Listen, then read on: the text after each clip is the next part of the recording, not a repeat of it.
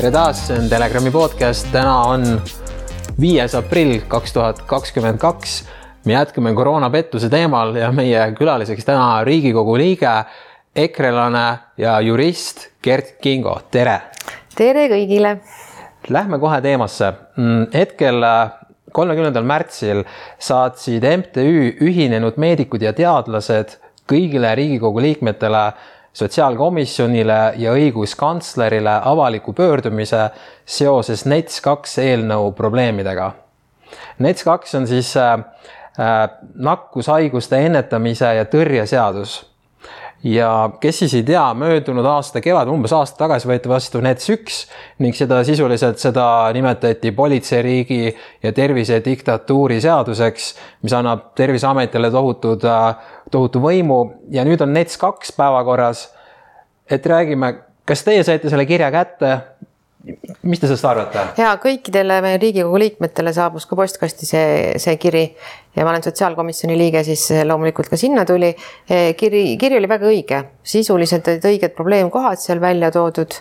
ja ma täpsustaksin üle, et see NETS kaks eh, on pigem nüüd valitsuse püüd tagantjärgi hakata oma tegevusi seadustama mis see tähendab? see tähendab seda, et kui senikaua valitsus tegeles korralduste alusel, seadis piiranguid ja, ja igast nõudeid, siis korraldus peab olema täht, kindla tähtajaga mm. -hmm. ja korraldus ei saa olla piiramata ajaga, et kogu aeg pikendame, pikendame ja uuendame, et see valitsus on teinud jokk-skeemi et otseselt nagu ei saa öelda, et ei, sest nad nagu pikendasid ja nad ütlevad, et tähtaeg oli, aga me teame ka näiteks, ma tooksin paralleeli, võib-olla see ei ole kõige sobivam paralleel, et kui tööleping alguses on täht-, ütleme, et on teatud ajaks ja siis ta läheb üle ja üle, siis lõpuks loetakse teda ju ikkagi püsivaks lepinguks mm. ja samamoodi see korraldusega need piirangud olid ju püsivad ja, ja seda ja korralduse alusel ei tohi nad püsipikalt olla. okei okay., aga nemad siis nagu rikkusid korraldust või? Või seadust? Eh, seadust ja see ei ole kooskõlas, seda on ju, sellele on juhtinud tähelepanu ka ju erine, erinevad õigusspetsialistid ka, et see ei ole päris korrektne olnud uh. Mhm. -huh. jah, ei saa ütelda otseselt, et päris vale kohe, aga ma ütlen, selline juriidiliselt on justkui kõik korras, aga tegelikult nad mängisid selle õigusruumiga ja nihutasid neid piire enda jaoks sobivaks uh. Mhm. -huh. aga see, et nüüd see, need arstid ja meet-, ühinenud meedikud ja teadlased tegid äh, siis nagu kõigile selle kirja, see ei puuduta nüüd otseselt seda, et äh, valitsus justkui parandab oma vigu, vaid seal on mingid muud probleemid, räägime nendest. ja seal, seal on toodud ilusti ära selle, selle eelnõu puudused, et mis ei vasta, ütleme sisuliselt ei vasta sellele, kuidas seda eelnõu kuvatakse. noh, esimene punkt oli ju kohe see, et räägitakse, et Riigikogu on rohkem kaasatud nüüd protsessidesse tegelikult on äh, eelnõus, mul kohe loen ilusti ette, siin on sõnastus kohe on, on ainuke kokkupuude on Riigikoguga see, kus siis äh, et antakse, öeldakse, et antakse Riigikogule suurem roll siis kriiside lahenduseks, aga tegelikult, et edaspidi tuleb ära kuulata siis Riigikogu valdkondliku komisjoni juht ja teavitada Riigikogu juhatust. ehk siis sisuliselt parlamendisaali, kus on kõik saadikud, istuvad sinna, see arutelud ei jõua, on üks komisjon. komisjonid on ju niimoodi meil mehitatud, et komisjonides on koalitsioonierakondade saadikuid rohkem kui opositsiooni omasid ja komisjoni esimees on koalitsioonierakonna liige, ehk siis kõik, mis tuleb, siis äh, hääletatakse ikkagi ju koali-, valitsuse poolt ja valitsuse soovide kohaselt. väga huvitav, aga siis tundub, see on justkui natuke nagu vandenõu, see kõlab niimoodi, et nad tahavad oma asja sinna suruda ja siis oma tüübid saavad seal hääletada ja ongi kõik või? no sisuliselt on see selline jah, korrektne skeem, et täpselt on teada, et siis tuleb sealt selline, sellise suunaga otsus, nagu nendel on vaja mm. -hmm. aga mida siis äh, teised äh, riigikogu liikmed sellest arvavad, et neid on nagu välja lükatud, kuigi nagu Eesti põhiseadusega on Eesti Vabariik ju parlamentaarne vabariik, aga nüüd tahetakse niisugune süsteem teha, mida, mis see õhkkond kogu seal Riigikogus valitseb? no meil on ikkagi kolm liberaalset erakonda Riigikogus ja kaks on sellist konservatiivsemat. liberaalsed erakonnad, nende jaoks ei ole see probleem, nendele väga meeldib kõik, mis, mis on tehtud ja mis on selle Eh, pandeemia ajal tehtud ja otsused, nemad kõike toetavad, need on siis eh, sotsiaaldemokraadid ja loomulikult eh, Keskerakond ja Reformierakond. Keskerakonnas jah, nad kõik sada protsenti kõigega nagu noh, ei poolda päris, aga otsustes, kuna on ikkagi valitsuserakond, siis ju valitsus peab üht, ühtset meelt olema. oot, ma segan vahele, kas nad, neile meeldib see, mis tehti, sellepärast et nende tüübid olid valitsuses või? see on niimoodi otsustatud ja see on valitsuse Aha. otsus on ju ja kui ka üksikul saadikul ei meeldi, siis midagi ei ole teha, see on valitsuse otsus ja nii tuleb teha lihtsalt ja kõik kõik hääletavad nii, nagu peab mm. -hmm. aga kõige noh, kõige rohkem oleme ikkagi selle eelnõu vastu meie EKRE me oleme kategooriliselt selle eelnõu vastu ja me teeme kõikvõimalikku ja kasutame kõikvõimalikke vahendeid, et see eelnõu üldse ei jõua seadustamiseni aga kes teiega ühes pundis veel on?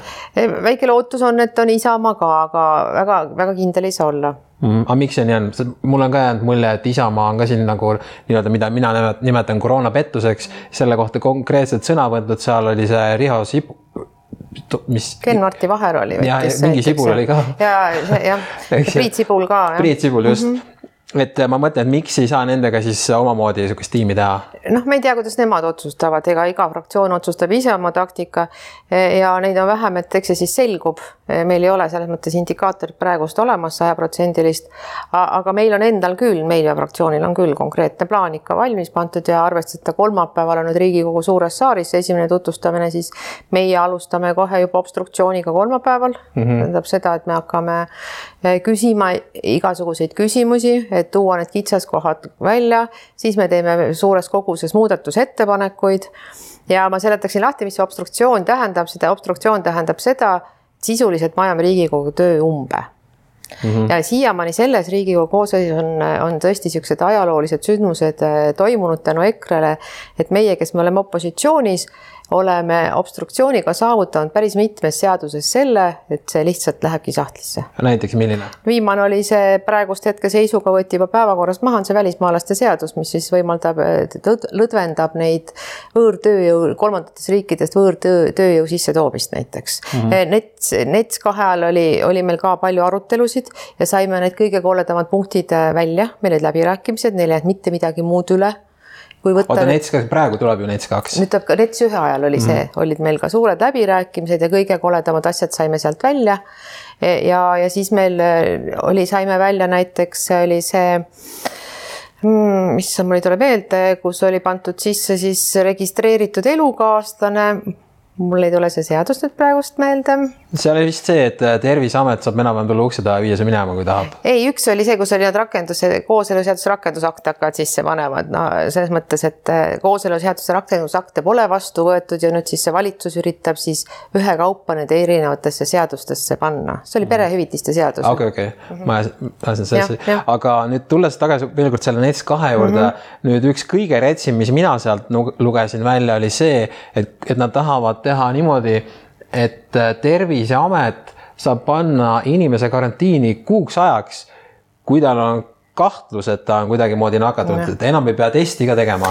see on ju täielik nonsense, kuidas see võimalik on? ei no see on absurdne, et lihtsalt kahtluse korral ja kusjuures sõjaduses sõnastus ei näe ette ka seda, et kuni kahtluse äralangemiseni näiteks ja, või, või kinnituse leidmiseni, et ja, ja noh, ma ausalt öeldes ei ole väga üllatunud, noh. see on täielik tervisediktatuur ma ütleksin, et selle valitsuse tunnus on see, et ta on väga halb õigusloome. see tähendab seda, et kui, kui oleks võib-olla teised inimesed valitsuses ja selline väga halb tekst on, aga ei oskaks nii kriitiliselt mõelda, siis, siis ei noh, ei oleks põhjust närveerida, sest tead, et seda ei hakata pahatahtlikult rakendama aga antud juhul meil ju selle üldse selle terve NETS-i jooksul on ju kogemus käes, kuidas ongi pahatahtlikult kõiki neid väänatud, neid eh, seaduse mõisteid ja ütleme, neid tõlgendusi on ju ja on ka politsei hakanud oma siin korrakaitseseaduse tõlgendusi väänama kõik, et et siin, siin on jah, see on absurdne asi, et kohe karantiini ja siin on selline asi ka veel, et kuidas inimesele siis edastatakse nii juriidilisele isikule kui äh, füüsilisele isikule siis selle isiku andmed, kelle suhtes on kahtlus,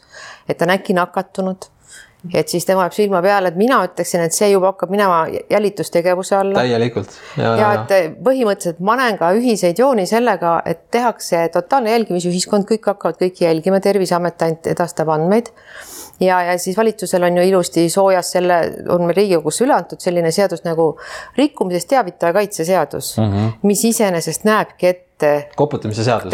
ja just nimelt näebki ette selle, et kõik hakkavad üksteise veel koputama. selle suhtes me oleme ka üle kolmesaja muudatusettepaneku teinud ja see praegust on kuskil seisab. aga kui teie olete äh, opositsioonis ja. ja te ei tea, kas Isamaa teie tiimi tuleb, siis äh, teoreetiliselt, kas teil on üldse võimalik see kuidagi maha hääletada?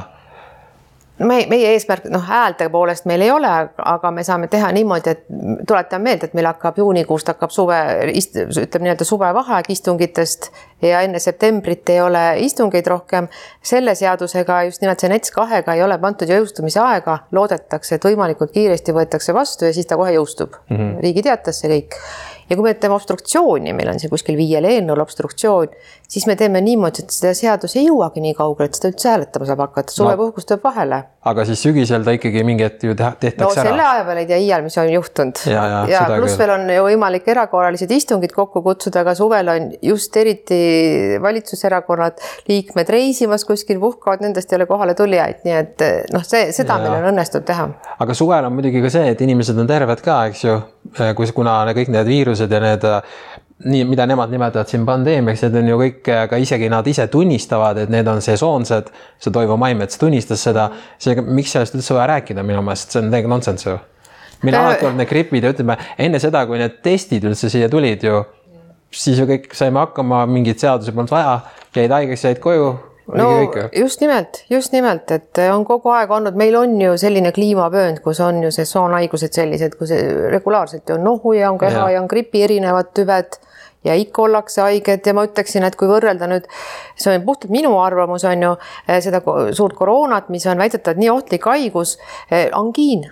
kujutage pilti, kui me ei teaks, mis haigus on angiin ja nüüd angiin tuleb, kuidas eh, siis kurk paistetab üles, on mäda täis, lämbumise oht, kõrge palavik, kõik see oleks veel jubedam ju. no muidugi. ja see asi, tasade arvu väikitakse maha, et need suurte, suured surmade arvud ega keegi ei ole ainult koroonasse surnud, kõigil on väga tugevad kaasuvad haigused, eh, kroonilised haigused, ehk siis ka nohu oleks võinud sellise raske kroonilise haigusega tekitada selle tagajärje, et kõrges eas eh, juhtub see, mis paratamatult juhtub. ja me saime tänu advokaatide abile, nad, Terviseamet meile ise ei vasta, Sotsiaalministeerium ka meile ise ei vasta, aga tänu sellele advokaatide abile me saime teada, et äh, terviseamet kinnitab et, et üheksakümmend üheksa protsenti kõikidest koroonasurnutest omasid kaasuvaid haiguseid.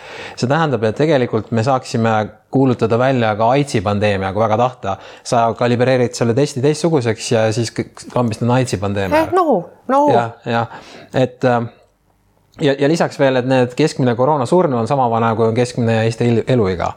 ja see on veel absurdsem, et no inimesed ei ole kahjuks igavesed, on ju, igalühel on oma elutee, varem või hiljem see ju lõpeb, on ju, kellel seitsmekümnendates, kellel üheksakümnendates ja, ja kui need Terviseameti edastatud andmeid ju ütleme, surmade andmed, mis, vanuses inimesed on surnud, siis need ongi oma elu õhtule lihtsalt need inimesed jõudnud ja väga vähe on inimesi, kes terved kui purikud on kõrges eas, ma väga kahtlen. vot mis nende haiguste juurde ma tuleksingi, et siin eelnõus on, on määratlemata, mis siis täpselt on see eh,, kuidas nüüd see nimetus oli, raske oli raske vist nakkushaigus. Mhm. -huh. et mis nüüd siis see on, et enne oli eh, uudne ja eriti ohtlik ja nüüd on ainult uhk, ohtlik äh, ja eriti ohtlik nakkushaigus ja seda ei ole ära piiritletud, millistele tunnustele ta peaks nagu vastama, et kas see peaks tähendama seda, seda ei ole toodud välja, et nii ohtlik, et see võib lõpetada, lõppeda näiteks inimese surmaga aga kuidas sa seda määratled, seda ka ei tea ju? noh, see on eelnevalt iga, iga viirusega on ju niimoodi, et ta kuskilt tuleb ja siis on esimesed tulemused käes,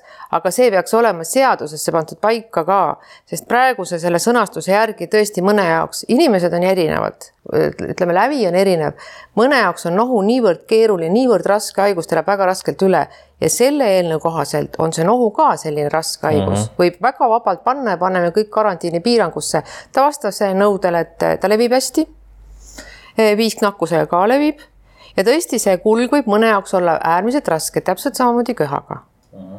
ja, ja sellepärast nüüd nohu või köha pärast panna siis peale jälle maskikohustus ja piirangud ja ei tohi üritusi teha, see on ju absurdne see on täiesti absurdne, sest et tegelikult neil ei ole ka tõestusi, et need maskidest kasu oleks.